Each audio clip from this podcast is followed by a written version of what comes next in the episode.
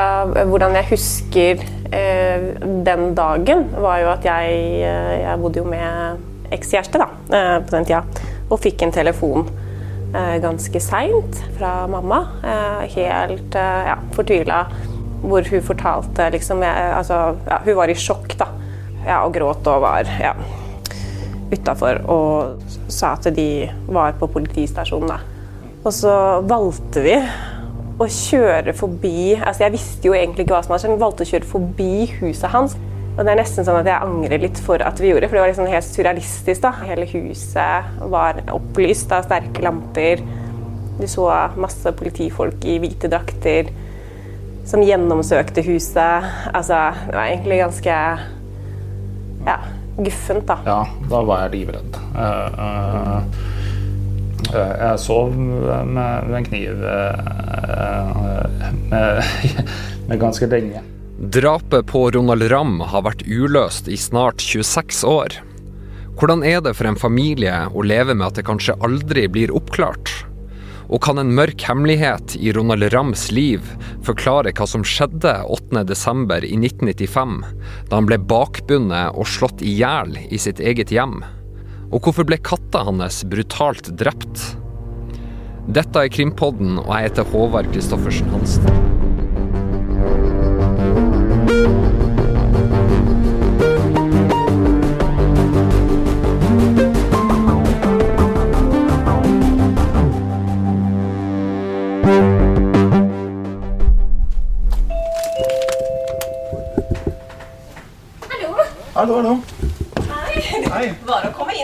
Kom igjen. Eh, er det, jeg har på den her med en gang, jeg.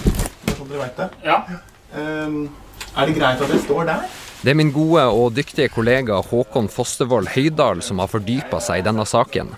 Han treffer to av barnebarna til Ronald Ramm, Terje og Ann-Kristin, hjemme hos Terje. Jeg heter Terje Andreas Waldfogel, er barnebarnet til Ronald Ramm og øh, jobber i politiet. Jeg heter Ann-Kristin Wolfer Rønning. Jeg er barnebarnet til Ronald Ramm. Og jobber i vaksinasjonsteamet i Larvik kommune. Terje og Ann-Kristin er barnebarna til Ronald Ramm fra Larvik. Terje er 39 år, småbarnsfar med kort, velfrisert skjegg. Litt som en velfrisert viking sitter han ved sida av søstera si. Hun har langt, rødlig hår og går i gammel The Cure-T-skjorte. Hun var blitzer som ung, mens han er politi og har aldri satt sine bein der inne. Ann-Kristin er sju år eldre enn broren sin, men tross aldersforskjellen er det lett å merke at de har et nært forhold. Dette er første gang de snakker offentlig om hva familien deres har måttet leve med i snart 26 år. I et kvart århundre har altså drapet på morfaren deres, 71 år gamle Ronald Ramm, vært forsøkt løst igjen og igjen. Nesten 500 personer har avgitt DNA. Nye analysemetoder har vært forsøkt. Nye tips har brakt saken opp igjen. Nå er det bare ett håp som gjenstår for de etterlatte av Ronald Ramm. Men la oss først gå tilbake i tid.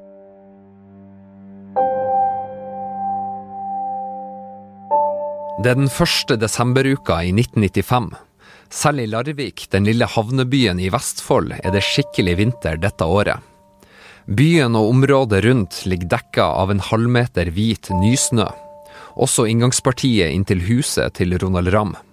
Han bor i et hvitt lite hus, ti minutter kjøring i retning Stavern.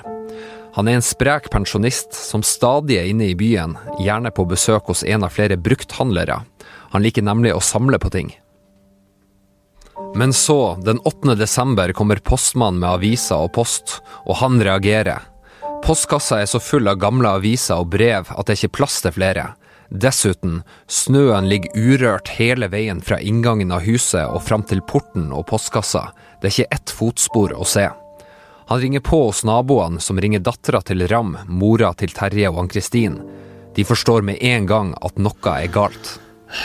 Det, det, er litt sånn viktig kanskje å presisere. at tiden kan spille et puss på oss her. Da. Eh, og om det virkelig er sånn som vi forteller. Så, eh, men sånn som jeg husker, da, hvis jeg sier det sånn, eh, så var jeg i hvert fall hjemme, og så og mamma og pappa skulle vel på et julebord, så de valgte også å dra innom på vei dit. De hadde ikke vært der på lenge.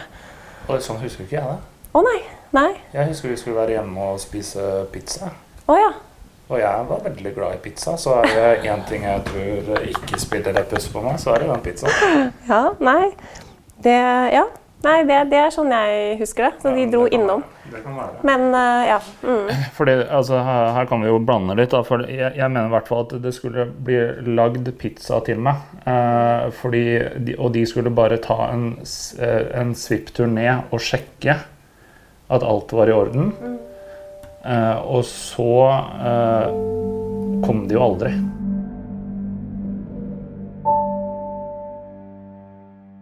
Når mora til Terje og Ann-Kristin, altså dattera til Ronald Ramm, åpner døra, blir hun møtt av et blodig syn. I gangen ligger faren hennes død. Han ligger på magen på gulvet i yttergangen med sammenbundne hender og et hode som har tatt imot 18 slag, skal det senere vise seg. Han ligger delvis oppå drapsvåpenet, ei meterlang rosesaks som var hans egen. Da gikk man vel egentlig ikke noe særlig lenger, annet enn at å hente ut han. Og så har man selvfølgelig vært inne og sett at det er tomt for øvrig i huset. Eh, Det, han lå i nyttergangen, og det var jo der det ble funnet, funnet mange spor. Eh, blodsprut og, og andre ting. Og, det, og innover i huset så var det også noe spor, men ikke mye. Hei, hei. Det eh, vanskelig å komme inn her. altså. Ja, det er Hva skal du ringe på en? Ja. Nei, det står telefonnummeret. Det er det de fleste har telefon. Og det sto Det gjorde det, ja. Ja, ja. ja. Men, men jeg kan nærme å lese, så Dette er Knut Vidar Wittersjø, kriminalsjef ved politiet i Larvik. Han har jobba ved politikontoret der i nesten hele sin karriere, og han har jobba med drapsmysteriet Ronald Ramm siden det skjedde. I desember går han av med pensjon. Da forlater han kontoret med utsikter utover hele Larvik havn. Nei, jeg jobba jo i Larvik på Larvik politikammer, som det het den gangen, i 95 også. Så jeg har jo vært med og fulgt sakene fra den skjedde. Og ble ringt etter Jeg var jo på etterforskning faktisk i 95 og ble ringt etter, husker jeg, når, når saken skjedde. Eller ble oppdaga. Og, og Ronald Ramm var funnet død. Så siden den gang så har jeg fulgt saken eh, ja, relativt tett. Eh, så har jeg de siste åra vært eh, leder på etterforskningsseksjon. Og, og vi hadde ny gjennomgang i 2017. Han husker godt da han fikk beskjed om drapet som ung politibetjent. Ja, jeg, jeg, jeg, husker at jeg ble oppringt av han som var eh, leder på etterforskning den gangen, og fortalte at vi hadde et drap og, som vi hadde fått i fanget. Eh, Ronald Ramm var funnet hjemme, død, og hadde tydeligvis ligget i noen dager. Obduksjonen skulle vise at Ronald Ramm hadde ligget død i ei hel uke. Om han hadde dødd av slagene eller om han var etterlatt hardt skada for så å fryse i hjel i den iskalde yttergangen, kunne ikke obduksjonen gi svar på. Vi mm, satte jo i gang ganske stor, eh, omfattende etterforskning. Det var folk fra Altså da var hele, hele huset og godt og vel og Kripos og mange til eh, med på første, de første mm, ukene og månedene som, som det var eh, stor etterforskning, altså brei etterforskning. Uh, alt ifra altså det tekniske på stedet, alt uh, avhør av eh, de, de nærmeste, og da hele kretsen rundt han, som var ganske stor. Og naboer og, og, og rundspørringer. Og det, det var en veldig stor etterforskning eh, på en måte. Eller ikke på en måte, men det var en stor etterforskning. Politiet sine egne bilder viser at det har vært en voldsom kamp mellom Ram og den eller de som drepte han. Det er når politiet går lenger inn i huset at de skjønner at de står overfor et uvanlig drap.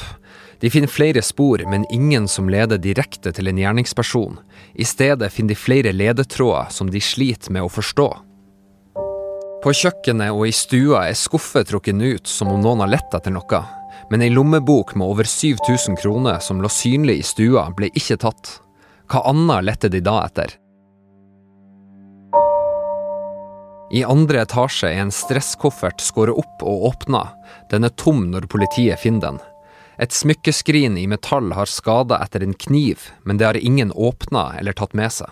Det er mange ting her som ikke passer sammen, som er, som, hvis en kan si det sånn, som, som gjør at det I det øyeblikk du har gjerningsmannen og en tilståelse som forklarer det, så vil det antagelig passe sammen. Men, men det er, det er ut ifra det som vi finner av spor, og det vi ser og det vi si, hører fra vitner, så, så, er det Det spriker så mange veier, og det er, det er så vanskelig å forstå hva som egentlig har, har skjedd der. Det skal jo være rett i nærheten her, men uh, skal vi se Sånn. Så kommer det opp Larvik. Skal vi se hvor langt vi har å kjøre.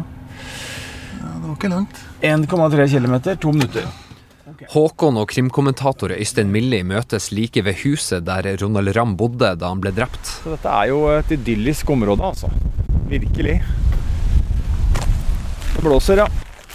For det er det huset der, ikke sant? Ja, det er det. Ja, Hvis jeg skal beskrive det, så vil jeg si at dette er en sånn typisk sånn eh, boligfelt fra sånn 70-tall, 80-tall. Ikke sant? Nå har vi gått en sånn slags eh, ja, en løkke, kanskje, denne veien går i. da, En sånn runde, og så er det bebyggelse på begge sider. Og så er det ganske romslige tomter. Eh, Og så ser vi jo her eh, går du inn en, en, en tursti. For det er jo da Nå står vi midt i gata her, og her er det ikke en, altså, her er det ikke noe trafikk. For her er det jo bare de som bor eh, i området her, og det er ikke så veldig mange hus. Det er bare de som kjører her, vil jeg tro, stort sett. Eh, og så har man jo da eh, Ja, eh, huset liggende, ligger der, og, og skogen rett ut. Skogen er rett ut her. Og så ser vi jo det. Altså, Håkon, det er klart eh, i forhold til at det er øyenvitner og sånn, det er jo Det sier seg jo litt sjøl at det er ikke mange som ville ha kunnet sett det her, ikke sant. Det er eh, kanskje bare den naboen som, som bor der, og selv de ville ikke ha sett at noen gikk inn her. Det er faktisk ikke noen andre hus som, som vender mot dette huset her. Nei. Nei, nå ser vi vel ikke Vi kan jo gå litt videre og se om vi ser inngangsdøra, for den er jo ikke her. Jeg vet ikke om den vender opp på oversida.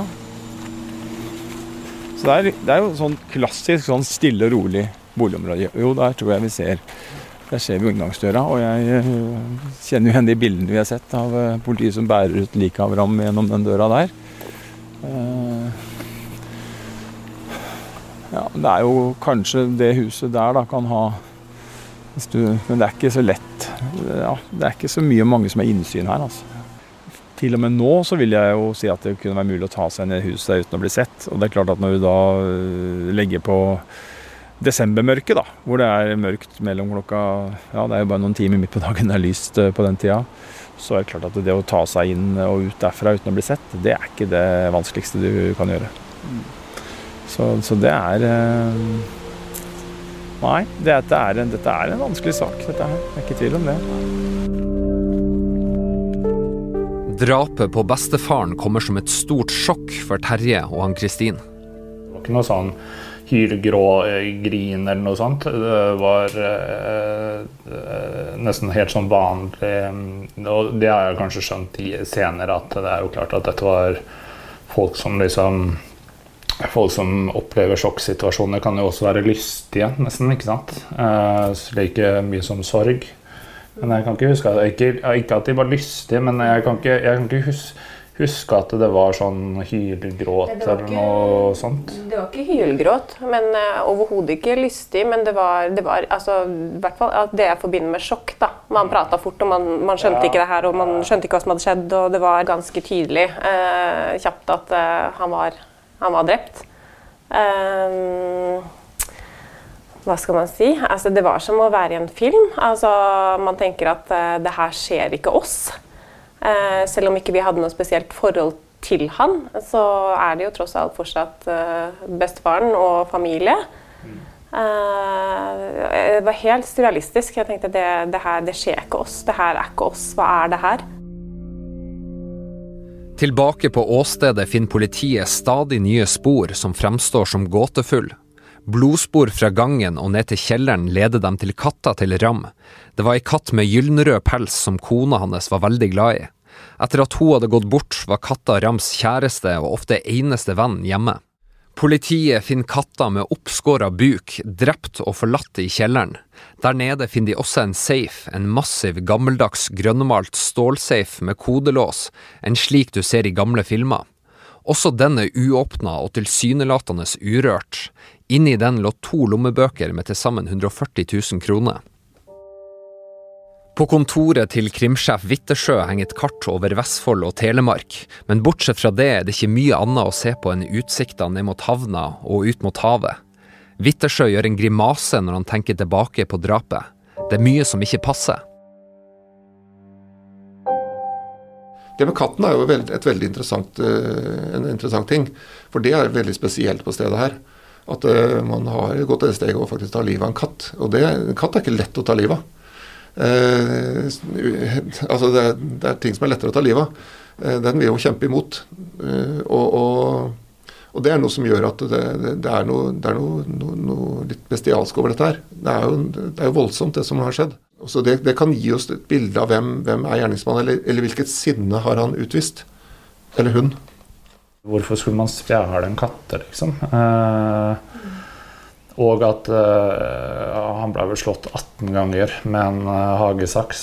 Så jeg tenker jo det er, det er, jo noe sinne der. Han hadde jo gitt uttrykk for at det var eh, noen som eh, eh, trua han, eller at han, han var redd. Han hadde jo hagle og kniv på senga, liksom. Mm. Så det er jo klart at han var redd.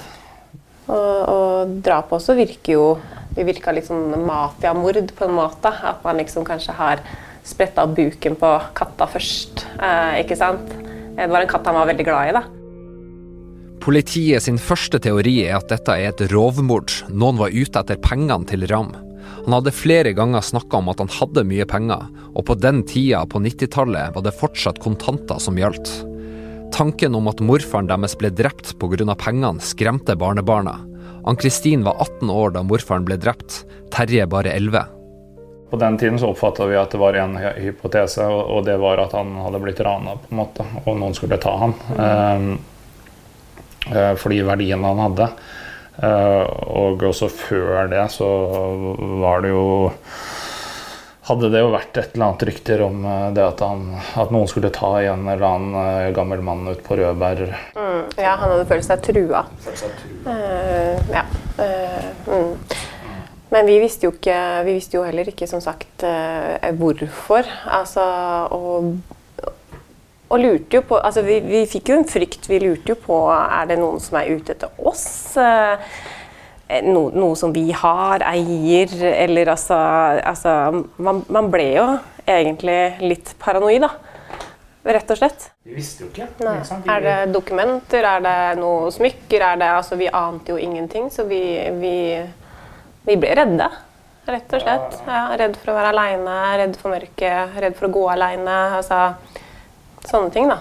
Så det er klart at det har jo prega livet vårt. Absolutt. En kveld tre år senere kommer Terje hjem der han og mora bodde i Larvik. Han skal til å låse seg inn da han merker det. Terje er da 13 år og har lenge vært redd for at noe nytt skal skje med dem eller mora. Så jeg kom hjem til et hus som var på en måte åpent og endevendt. Jeg tror jeg kom fra ungdomsklubbene og så sånn tydelig at alt av skapere som var dratt ut. Du får en sånn umiddelbar følelse av at her er det noe som ikke stemmer. da. Og jeg tror vel allerede der eh, skjønner jeg at her har det skjedd et eller annet.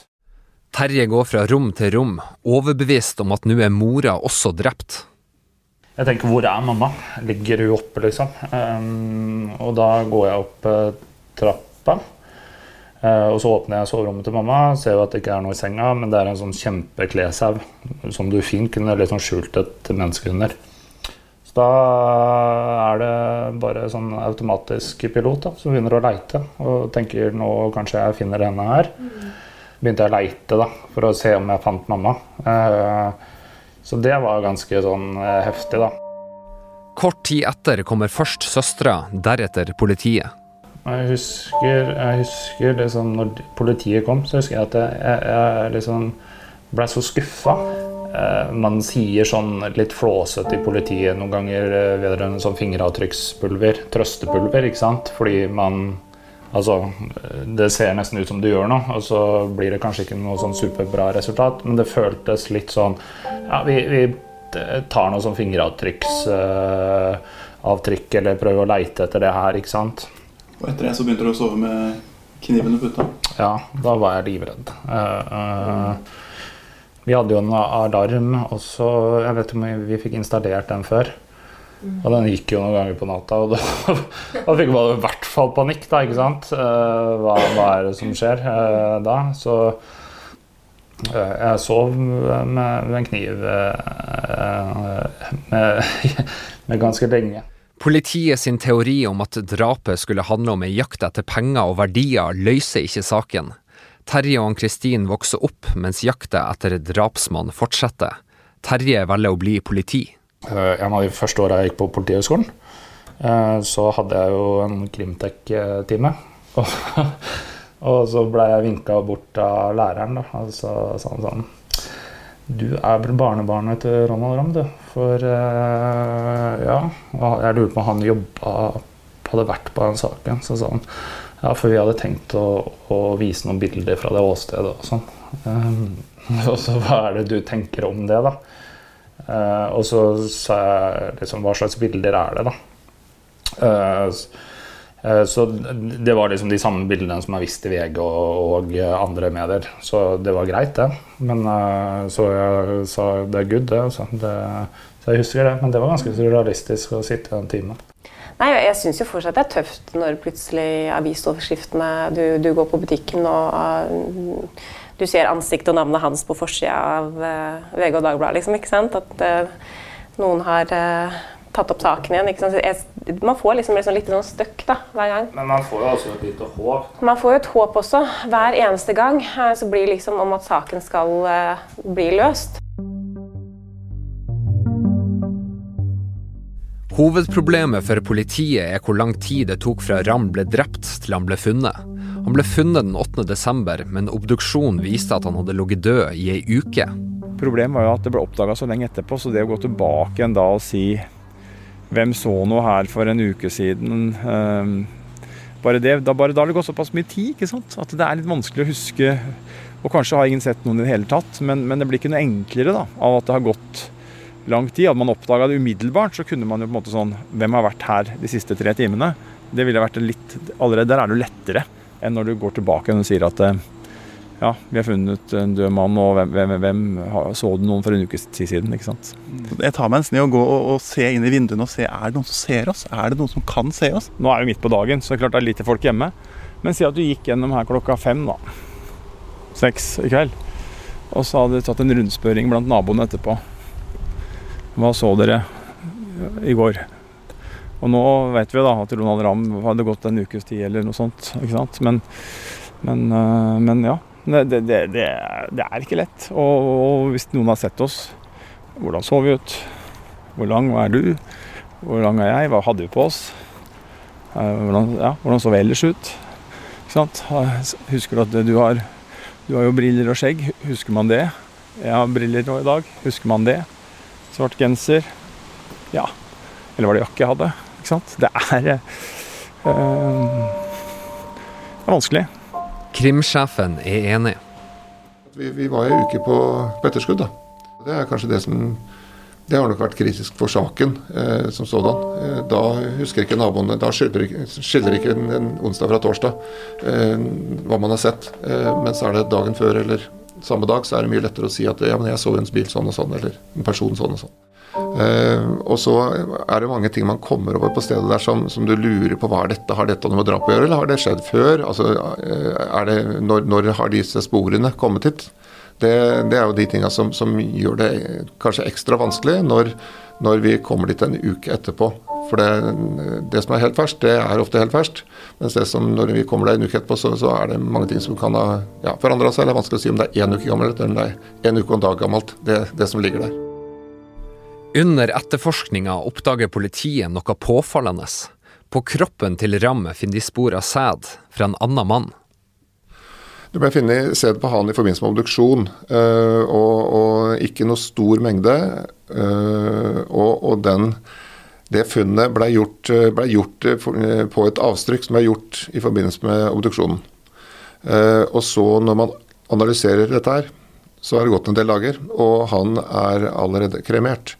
Så uh, strengt tatt så kan nok det Det er litt beklagelig, fordi da uh, Jeg vet ikke om det ville vært gjort, men det, det, det kunne vært at, han, uh, at vi hadde åpna grava rett og slett for å ta nye undersøkelser for å få en bedre prøve. For den prøven er ikke stor, det som er funnet, og, og det kan være vesentlig. Og så vet vi ikke om det har med drapshandlingene å gjøre. Eller om det har aktivitet, seksuell aktivitet han har hatt før, og helt uavhengig av drapet. Ja, for Det har jo vært spekulasjoner om, om dette er noe som om det var en seksuell handling i forbindelse med, med innbruddet og, og, drapshandlingen. Ja, det, det har vært spekulert i det. Eh, og det er bare spekulasjoner. Det er hypoteser, som vi kaller det. Uh, og det er en av de hypotesene som vi har jobba en del med, uten at vi kan si 100 sikkert uh, og gi noe svar på det. Men det er ikke funnet sæd i sengetøy, f.eks., inne i, i, i, huset. Uh, så, så, noen svar har vi fått, men det kan selvfølgelig ha en, ha en sammenheng likevel. Så det er et interessant spor. Mm. Hvem er mannen som la igjen dette sporet? Den drepte katta og sædsporet kunne peke på at drapet ble begått av en person med et eget agg mot Ram. Men igjen, politiet vet ikke om funnet av sæd har noe som helst med drapet å gjøre. Det kan jo være et, bare et blindspor. Det kan ha skjedd dagen før eller tidligere. Eh, så, så, men det vil allikevel være veldig viktig å få sjekka det ut, hvem dette er. Så, så øh, kan det være andre interessante øh, ting ved, ved det, det, som måtte komme hvis vi fant den personen. Det kan jo være Det er en hypotese som i hvert fall må, må sjekke ut. Så vi har gjort mye, mye, mye jobb på det der. Sædsporet leda til ei massiv jakt. DNA fra sæden ble sjekka opp mot nesten 400 personer i miljøene som kjente Ram, men det ble ingen treff. Der jakta etter tekniske beviser var fåfengt, ga de mange avhørene nye ledetråder. Ram var ikke redd for konflikter, eller for å si hva han mente. Han var en person med, med mange, mange, sider. Etter hvert som vi begynte å grave rundt han og, og, og i, i, det han har gjort og det han har drevet med, så, så er det jo mange sider her ved, ved Ronald Ramm Som, som, mange positive, men også mange ting som ikke er så flatterende. Han var, eh, var nok litt kranglete av type på en måte, for å bruke et, et, et eh, kanskje litt dårlig uttrykk. Men, men han, han, var i konflikt med noen. Og det, det, er jo noe av det som, at det, som gjorde at det var, en, det var, en, konflikt med en brukthandel som er kjent, og som blei sikta for drapet. Brukthandelkonflikten er jo ikke noen stor konflikt i utgangspunktet, men, men allikevel det, det, var brukt store ord der eh, i forkant, sånn at det, det kunne, skapte grunnlag for, for, å gå videre med en, faktisk en siktelse til slutt også. Men siktelsen ble frafalt? Siktelsen ble frafalt, helt riktig. Mm. Ikke bare det. På 1960-tallet hadde Ram, da en mann i 40-årene, blitt dømt i en alvorlig overgrepssak mot ei jente tidlig i tenårene. Ja, som sagt så har, har jo, er det mange personer som har hatt med Ronald Ramm å gjøre opp igjennom, også, og en del av de hadde ikke noe god relasjon til han. Uh, og, eller det var episoder som, som, man kan tenke på ettertid. Kan det være grunnlag godt nok for at man har kommet dit og ønska et oppgjør eller tatt tak i noe? Og så er det gått gærent at, at han rett og slett ble slått i hjel. Familien til Ronald Ramm har aldri lagt skjul på at han ikke var en enkel mann å ha med å gjøre. De ønsker at hans mange sider omtales, i et håp om at det skal bidra til å løse saken. Ann-Kristin og Terje husker godt hvordan de opplevde å være hjemme hos han. Altså, Ronald var jo en litt sånn kjeftete type, da. Som hadde noen uh, rare meninger. Mm. Jeg er enig. Det var jo egentlig ja, kun høflighetsvisitter og gjerne bursdag, jul. Da Terje og Ann-Kristin første gang hørte om bestefarens nå nesten 60 års gamle overgrepsdom, så de drapet i et annet lys. Jeg heller jo kanskje eh, mer og mer mot at det er et eller annet hevnmotiv som eh, ligger bak dette, og at personen egentlig ikke er La oss si, da. Eh, yrkeskriminell. Altså Kanskje det er en da som har klikka eh, i vinkel fordi at Ronald eh, har gjort et eller annet. Mm. Det eh, kan være en teori. Mm. Mm. Uten at vi på en måte har noe mer enn det. Ikke bare det, da, men dette det blir jo på en måte masse spekulasjoner. fordi at han ble bundet og man spjæla katta hans. Eh, hvorfor skulle man spjæle en katte, liksom? Og at eh, han ble vel slått 18 ganger med en eh, hagesaks. Så jeg tenker jo det er, det er jo noe sinne der. Ikke alle er enige med Terje og Ann-Kristin om at overgrepsdommen er veien å gå for å løse denne drapsgåta. VG har snakka med andre etterlatte etter Ram, og noen mener at andre teorier er mer sannsynlige. Heller ikke krimsjefen i Larvik er like overbevist om at denne teorien skal kunne løse saken. Det er jobba mye med, med, med, den saken, med de personene som eh, si, var, var, eh, både offeret og de rundt, rundt der. Eh, for, for, å se om det kan ha en sammenheng. Vi har ikke landa og konkludert med at det har noen sammenheng. Nei. Så må det sies at det er litt farlig å begynne å snakke sånn om en hypotese og tenke at oi, det, det er helt åpenbart at det er det. Nei, det det er, i denne saken her særlig så er det ikke åpenbart hva, hvor, hva som er motivet i tilfelle, hvis dette er et, er et planlagt overfall og, og drap. I 1998, tre år etter drapet, får politiet høre fra vitner som mener å ha sett Ram krangle med to menn i sentrum kort tid før han ble drept. Noen mener også at de så to menn i nærheten av huset hans. Ja, og han anskaffa seg jo Ikke bare krangla han med, med, to personer rett før han ble drept. Øystein Millie utafor huset til Ram. Men han anskaffa seg, seg, også våpen, en, en hagle. Eh, og politiet mm, har jo sagt før at de mener at eh, og grunn til å tro at han kunne føle seg trua. Om det bygger på, eh, på si, bare de to episodene, eller om det er noe mer politiet vet som de ikke snakker om, som underbygger det, det vet vi ikke. Lenge står saken i stampe. Politiet i Larvik låser bevisene ned og jobber med andre saker. I 1999 får de nok en krevende drapssak i fanget. Tolv år gamle Kristin Juel Johannessen blir funnet drept like utafor Larvik. Først i 2016 får saken si endelige avslutning etter at drapsmannens DNA blir funnet under Kristin sine negler. Den vellykka løsninga av Kristin-saken får politiet til å tenke på gåta Ronald Ramm.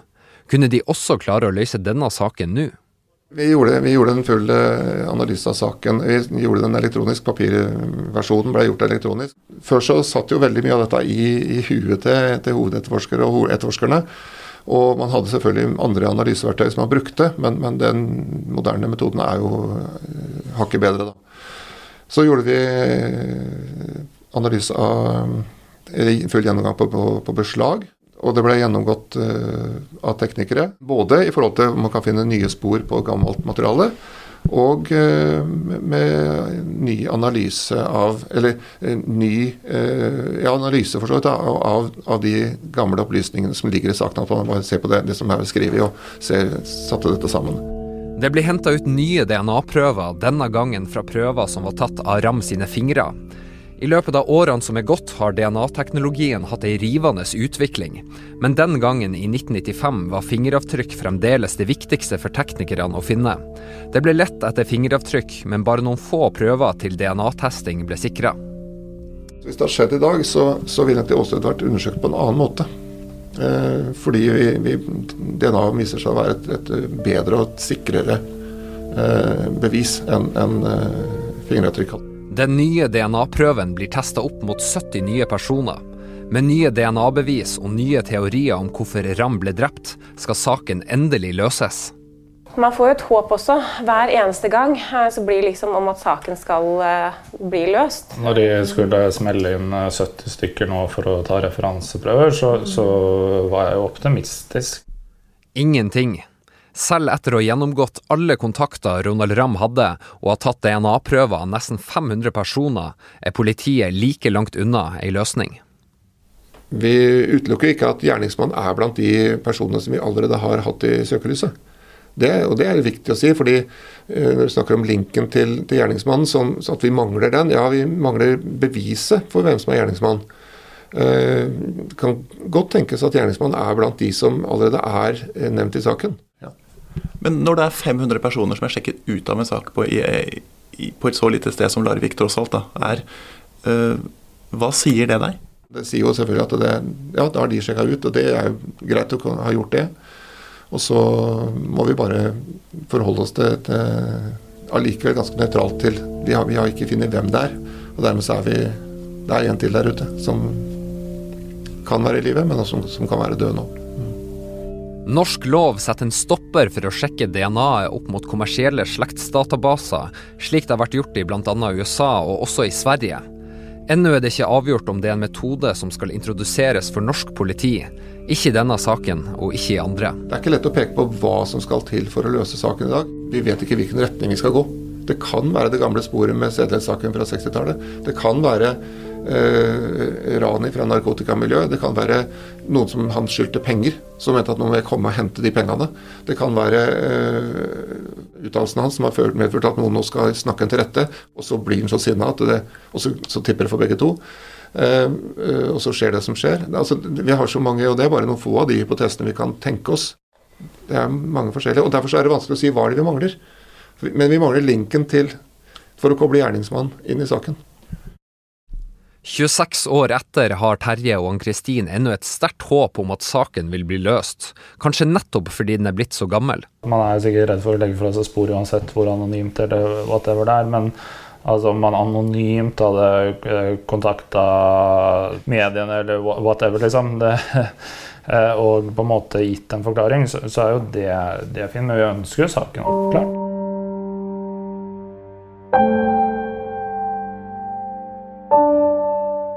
Også politiet i Larvik ber om tips i saken.